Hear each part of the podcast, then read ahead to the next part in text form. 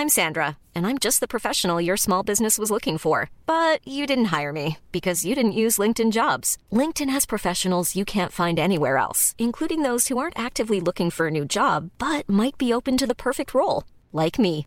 In a given month, over 70% of LinkedIn users don't visit other leading job sites. So if you're not looking on LinkedIn, you'll miss out on great candidates like Sandra. Start hiring professionals like a professional. Post your free job on linkedin.com/people today.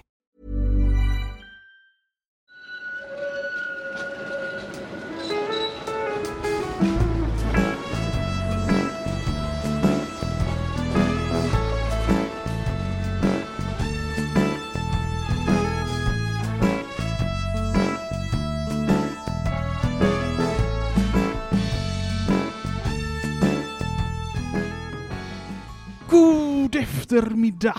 Välkomna till Gator och torg i Göteborg med mig Daniel Karlenfors, den evige programledaren i eten. Och som vanligt har jag med mig... Mattias Axelsson. Och du Din är evige experten den i podden. evige experten. Och glöm inte att ni kan bli månadsgivare på Patreon och som vanligt så låter jag Mattias köra adressen. Det är patreon.com gator och torg i Göteborg och finns, finns också en länk i avsnittsbeskrivningen. Det vore jättekul om vi blev lite fler månadsgivare som eh, stöttade podden. Mm. Stort tack blir ju- dessutom till er som är månadsgivare redan. När vi är 100 så blir det en stor överraskning. Vi har redan avslöjat vad den överraskningen är i ett avsnitt. Vi ska ut till Nya Älvsborg och ha ett superexklusivt eh, fest för alla våra månadsgivare. Yes! Men eh, idag eh, så sitter vi på en plats i nära anslutning till gatan vi ska prata om. Ja, vi insåg ju att vi var tvungna att äta någonting och det stället som jag hade tänkt att vi skulle äta på på Odensgatan hade inte riktigt öppnat. Trots att du sa god eftermiddag så är det ju inte riktigt eftermiddag än. Jo, och. Amsterdam Che på eh, Odinsgatan, de öppnar inte förrän klockan två. Så vi sitter oss här vid Odinsplatsen istället. Men om vi tittar bort förbi den här eh, gr- Odinsgrillen Ja. så ser vi hela Odinsgatan sträcka ut sig Ja. bort mot Polhemsplatsen och posthotellet. Och du frågade ju mig, vad, vad, vad tänker du när du ser den här gatan? Och, och då ska jag helt ärligt säga att det jag såg var att jag ställde mig i mitten utav den och irriterade mig på att posthotellet inte var centrerat med gatan. Jag tror att de sket ganska hårt i hur posthotellet låg i fil förhållande till Odinsgatan, men eh, Ja. det må vara hänt. Men det är ju en gata som sträcker sig här från Odinsplatsen Mm. bort till Polensplatsen eller Åkareplatsen, eh, Ja. där GP-huset och liknande ligger. Precis. Så, tidslinjen som vi alltid går efter. Hur länge har gatan funnits? Alltså, gatan fick sitt namn 1883. Det var då stadsfullmäktige bestämde att den här gatan skulle heta Odinsgatan och även att gatorna runt omkring skulle få namn som Friggagatan och Baldersgatan. Vilket gör att vi kan dra en koppling. Vad är det som har, vad har de här gemensamt? Asatron! Det är asagudar och asatro. Vi har ju Oden som den högste guden och Viktor Rydbergs bok Fädernas gudasagor eh, kom där i slutet på 1800-talet och är en bok som har inspirerat många städer till att just ge eh, gator namn efter asagudar. Och det var ju det som skedde här i Stampen under slutet av 1800-talet. Att vi fick platser och gator som hette som asagudar. Men en liten teknisk fråga. Alltså, gator så som vi pratar om, du nämner ofta det, den fick sitt namn Mm. då och då. Är det liksom någon slags officiell idé om när den finns? Eller hur, Ja, hur alltså ska man det- se det- på det? Det är ju när man tittar i arkiven för att se när börjar liksom man använda namnet på en gata. Så står det, ja men då har stadsfullmäktige beslutat att gatan ska heta så. Mm. Ibland är det så att gatan har kallats så långt tidigare och att Mm. stadsfullmäktige mest bekräftar ett allmänt bruk. Ibland är det så att stadsfullmäktige bestämmer något helt nytt, att nu ska Mm. gatan heta så här. Ofta har det ju funnits gator som, li, alltså som har gått samma sträckning, kanske något annorlunda, som har hetat andra saker. Och i vissa fall så är det helt nya gator som Mm. växer fram. Och Odensgatan är ett exempel. Det är en gata som växer fram under 1800-talet och som får sitt definitiva namn just 1883.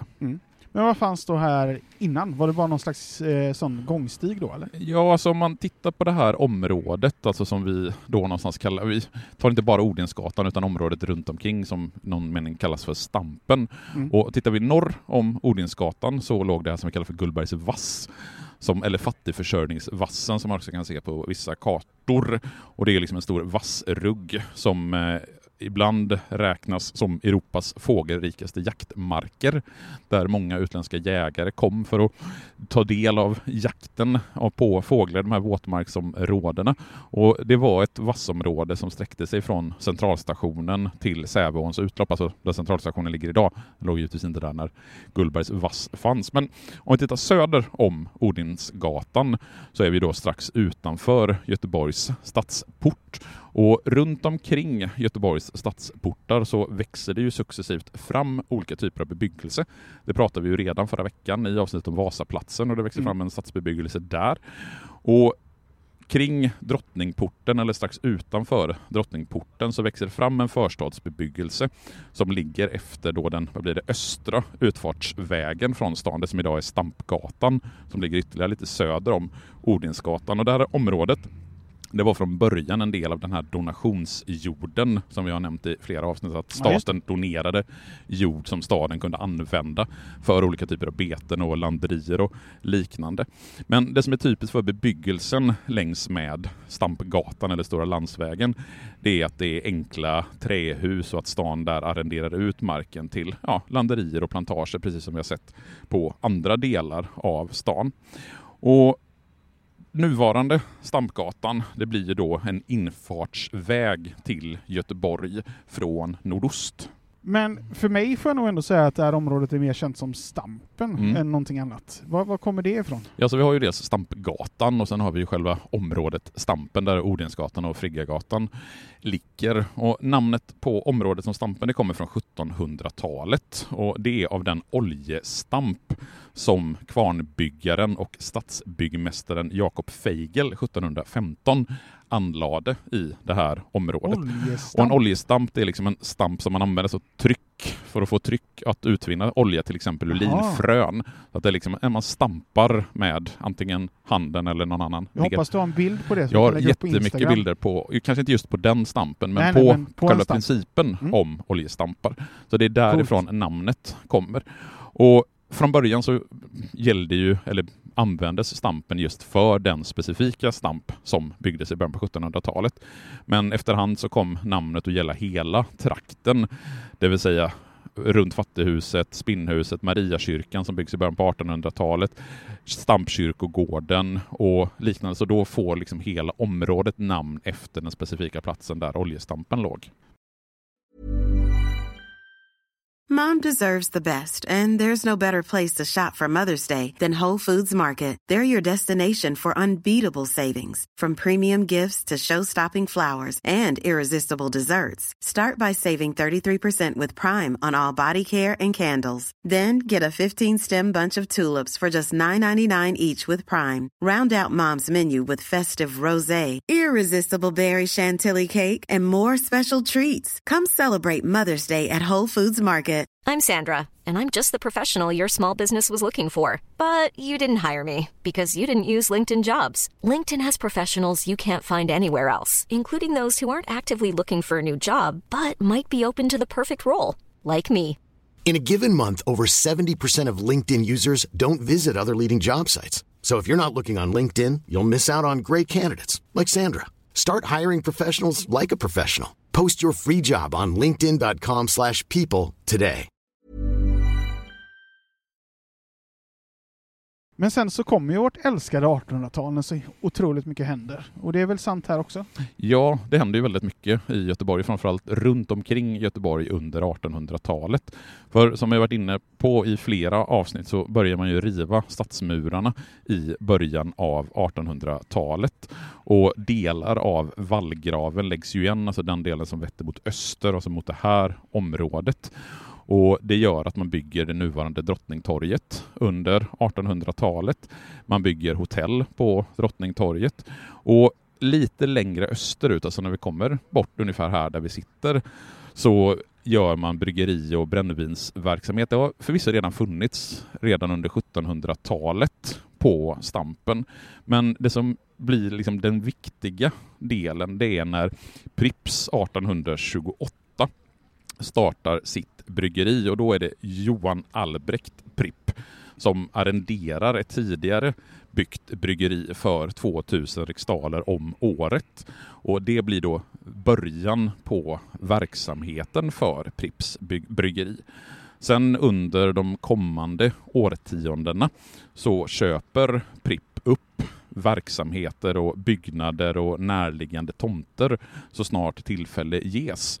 Och den bryggeriverksamheten låg då precis i början på det som idag är Odinsgatan. Alltså går vi lite bort mot, mot posthotellet så skulle vi komma till det område där Pripps bryggeri, som fortfarande kallas för Prippska tomten. Så det betyder att Prips är ett Göteborgsföretag som har sin grund här? Alltså? Ja, och sen så flyttar verksamheten så, så småningom, jag tror det är på 1970-talet, ut till Högsbo industriområde och sen mm. försvinner ju verksamheten och den, eh, de lokalerna ute i Högsbo industriområde har ju nu tagits över av tidigare anställda på Pripp så man har startat det som heter Göteborgs nya bryggeri. Men för att gå tillbaka lite kort på verksamheten som fanns här längs med Odinsgatan under 1800-talet. Så den typ av öl som man brygger på Pripps bryggerier är dels så kallat svensköl, som är ett alkoholsvagt överjäst öl som vi inte dricker överhuvudtaget idag. Och sen engelskt öl, alltså ale också, överjäst öl. För det är inte förrän under andra halvan av 1800-talet som Frosten Karl Pripp, som är son till grundaren av Pripps. Han har studerat ölframställning i Tyskland och kommer från Tyskland med den här nya typen av underjäst öl, det vill säga det som vi idag kallar för lageröl eller pilsneröl.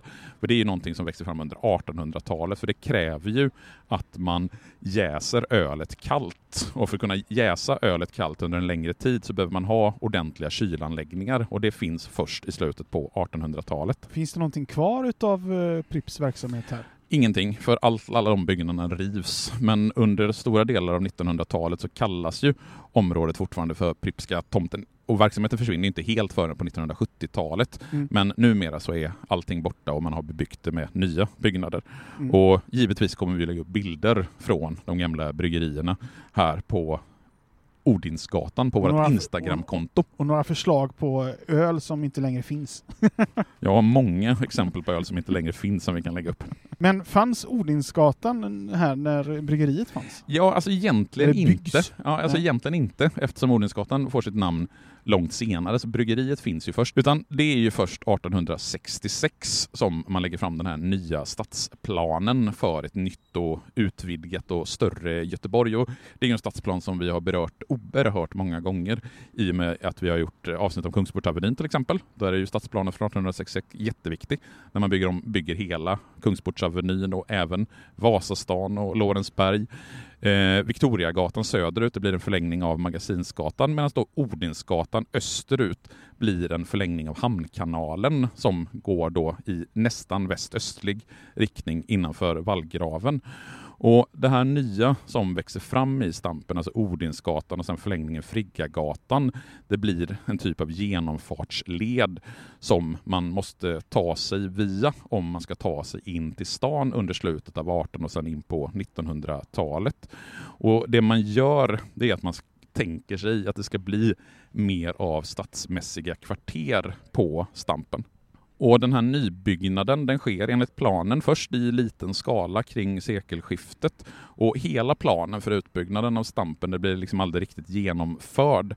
Och I slutet av 1800-talet så delar man också upp Stampen i kvarter så att man får väldigt tydlig kvartersstruktur. Och, och de här kvarteren de har ju lite roliga namn. De mm. heter ju bland annat Lützen och Breitenfeld och eh, Herrevardsbro, alltså slagplatser från den svenska historien. Där eh, antingen i krig utomlands som under 30-åriga kriget, där Lützen och Breitenfeld och även Herrevardsbro som är något, jag tror det är slag från 1200-talet. Så det finns väldigt mm. mycket historia i namnen, inte bara gudanamn utan kvarteren har namn från platser i svensk historia. Men eh, vi hoppar väl eh, som vanligt i, framåt i tidslinjen och kommer till eh, 1900-talet. Vad, vad händer då? Ja, alltså det händer ganska mycket i det här området. Det är ganska blandad bebyggelse dessutom. Dels så har området beskrivits som någon typ av kåkstad med olika typer av verksamheter i ruffiga träbyggnader. Samtidigt så har vi den pampiga Odinsskolan som byggs 1917 och öppnas två år därefter. Och det är ju där som ABF har sin verksamhet som vuxengymnasium idag. Och det roliga med just Odinsskolan, förutom att det är en väldigt väldigt stor och pampig sån tidig 1900-talsbyggnad, det var ju att eh, under slutet av 60 och början på 70-talet så var det ett så kallat experimentgymnasium. Mhm. Och det betyder att det var en skola utan rektor, utan terminsbetyg, utan närvaroplikt, där lärarna och eleverna tillsammans i någon typ av direktdemokrati la upp sina studier och tillsammans bestämde vad det var man skulle göra. Låter som folkbildning. Ja, fast det var kanske ännu mer radikalt i och med att skolan hade öppet hela dagarna Ja. och eleverna kunde komma och gå som de ville. Sen så var det här under ganska begränsad tid. Jag tror att det är ja, men, typ fem år som det här experimentgymnasiet och det är väldigt typiskt för tidsandan på sent 60 och tidigt 70-tal. För under sen 70-80-talet så står skolan tom en tid och sen så börjar den då användas som vuxengymnasium och idag är det väl just ABF som har sin verksamhet där. Sen får vi faktiskt återkomma lite grann till Pripps bryggeriverksamhet för även under 1900-talet så bygger man ut verksamheten och den norr om Odinsgatan på det som idag är Odinsgatan 20 till 24 så byggde man ett stort stenhus där bryggeriarbetarna tänktes skulle bo. Så man kan verkligen säga att bryggeriet Pripps har satt en väldigt stor prägel på Odinsgatan. Men det är inte bara Pripps och deras verksamhet som är typisk för det här, det här området. För man kan i någon mening säga att utbyggnaden av Odinsgatan sker i två etapper. Dels har vi de här byggnaderna som ställs upp under sekelskiftet, alltså runt 1900. Och sen har vi en ganska tydlig utbyggnad sen under 1930-talet med eh, den här, alltså för 30-talet typiska funktionalistiska stilen som vi bland annat har i den byggnaden som ligger precis bakom oss i slutet på Odinsgatan. Den som ligger, jag tror att rent tekniskt har den adressen Odinsplatsen, men den ligger väldigt tydligt i anknytning. Ja, Som jag Till påpekade att jag tyckte om den byggnaden. Ja, och det är en liksom, extremt tydlig representant för den här funkisbyggnaden. Och den byggnaden den uppfördes 1939 av aktiebolaget Bil och Truck. Och man använder dels eh, byggnaden som verkstad, men också kontor och lager. Och, och det här företaget hade dessutom verksamhet in på Friggagatan som är den gatan som sedan fortsätter från Odinsplatsen bort mot eh, Svingen. Där hade man service och reparationer bland annat lastbilar och bussar. Sen samtidigt som man uppför de här 30-tals funkisbyggnaderna så påbörjar man arbetet med att göra Odinsgatan till full bredd som man hade under 1900-talet, det vill säga två separata körfält. Och dessutom så gick man från stenlagd gata till asfalterad gata och det här är arbeten som då blir klara under tidigt 1930-tal. Ja, så den senare hälften av 1900-talet, eh, vad hände då? Ja, i och med att vi har pratat så mycket om bryggeriet Pripps och deras verksamhet så är det ju givetvis så att när deras verksamhet successivt försvinner från Odinsgatan så påverkas ju hela området. Under 60 och 70-talet så river man delar av kvarteret Hervardsbro, det vill säga Odinsgatan 13 till 17. Var det också ett slagfält eller? Eh, Hervardsbro är också ett gammalt slagfält och jag tror att det som är från 1200-talet kan vara lite fel där på Så århundradet. när men man rev det så blev det lite som slagfältet? Ja, En ruin. ja men lite så faktiskt. Eh, och det var då bland annat gamla bryggeribyggnader och det bebyggs sedan under 1980 och 1990-talet med hus för bostäder och kontor. Och i och med att man bygger om det kvarteret så får området också två nya gator. Karin Boyes gata som går från Stampgatan till Odinsgatan rakt igenom kvarteret. Det är en gata som inte har funnits Och vi innan. vet ju vart hon är född. Hon är född vid Vasaplatsen år Yes. 1900. Och sen har vi ytterligare en gata i området. Och just att man river de här kvarteren och bygger nytt på 80 och 90-talet, det gör ju att om du promenerar ner längs med Odinsgatan så har du ju exempel på ganska många olika typer av bebyggelse. Det vill säga du har hus från många årtionden, från det sena 1800-talet fram till det sena 1900-talet. Och nu eh, kommer vi ju till år 2000 och framåt. Ja, någonstans nutidshistoria Ja, om det. man så vill. Mm. Och om man tittar och står i början både på Friggagatan och på Odinsgatan så finns ju där en skylt som absolut inte fanns där tidigare. Och det är ju en skylt för eller som innebär dubbdäcksförbud. Ja, just För det. det fanns ju en tanke under 2000-talet att man ville minska trafiken på både Odensgatan och Friggagatan, för det var ju två oerhört trafikerade gator. Det var väldigt mycket genomfartstrafik. Även om det kanske inte var procentuellt lika mycket trafik som under början på 1900-talet, i och med att man bygger liksom genomfartsleder på ett annat sätt, så är det ändå två väldigt trafikerade gator. Och det var väldigt mycket partiklar i luften och liknande. Så det man gör under 2010-talet, det är att man förbjuder trafik med dubbdäck på både Odensgatan och Friggagatan, vilket har gjort att antalet småpartiklar i luften har minskat drastiskt. Dessutom så går det inte längre någon busstrafik längs med Odensgatan, utan åker du buss från Polhemsplatsen till Svingen så går ju de bussarna på baksidan, alltså norr om Odinsgatan, på den gatan som heter Burgre Burggrevegatan.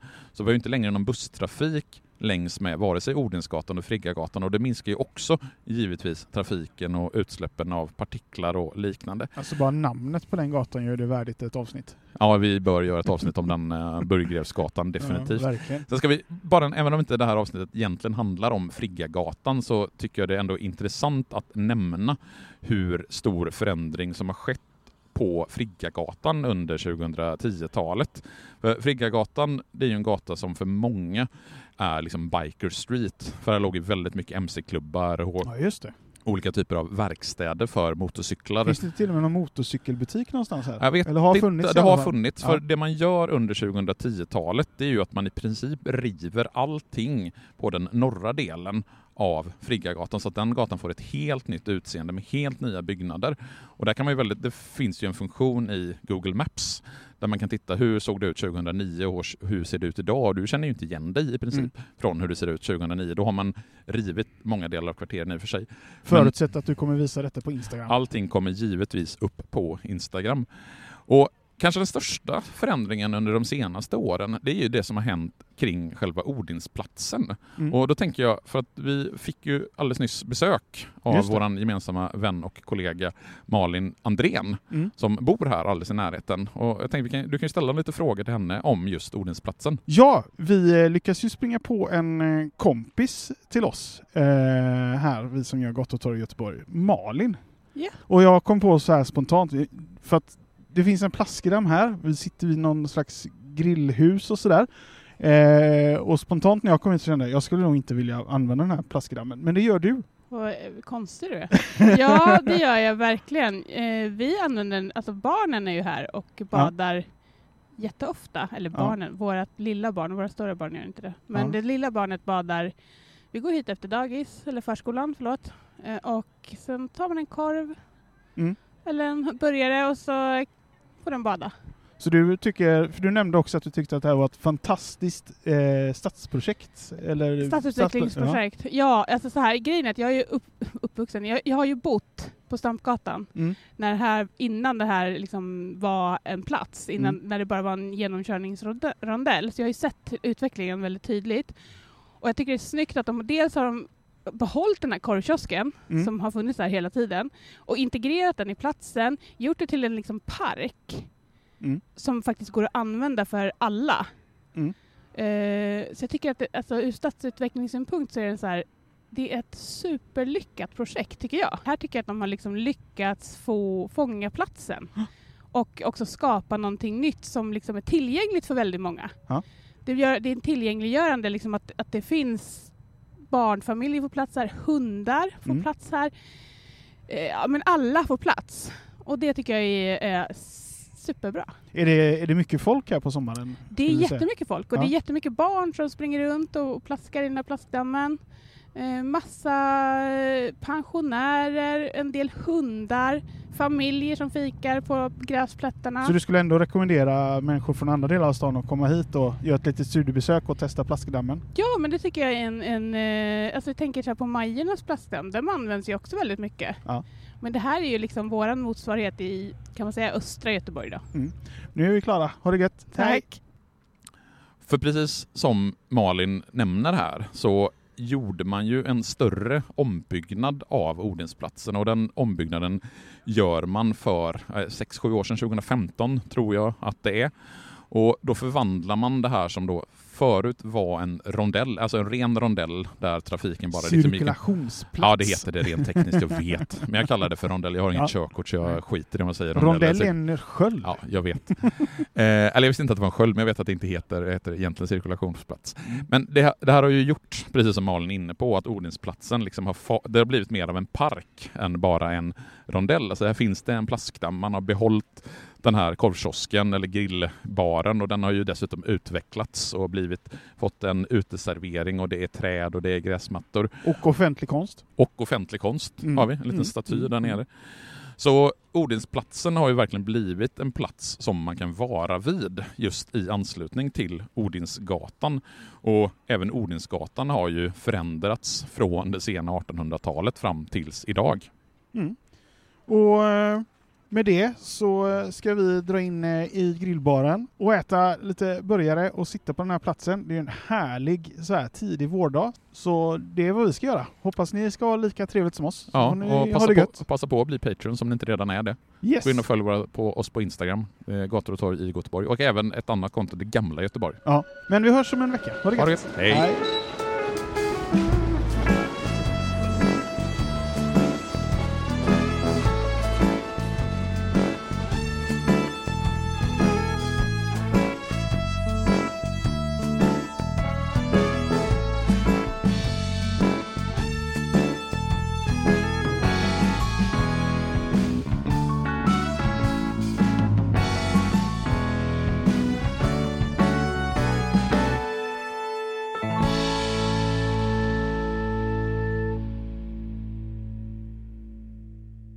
Gator och torg i Göteborg produceras av Reostat Media AB. Even when we're on a budget we still deserve nice things. Quince is a place to scoop up stunning high-end goods for 50 to 80% less than similar brands. They have buttery soft cashmere sweaters starting at $50, luxurious Italian leather bags and so much more. Plus, Quince only works with factories that use safe, ethical and responsible manufacturing. Get the high-end goods you'll love without the high price tag with Quince. Go to quince.com slash style for free shipping and 365-day returns.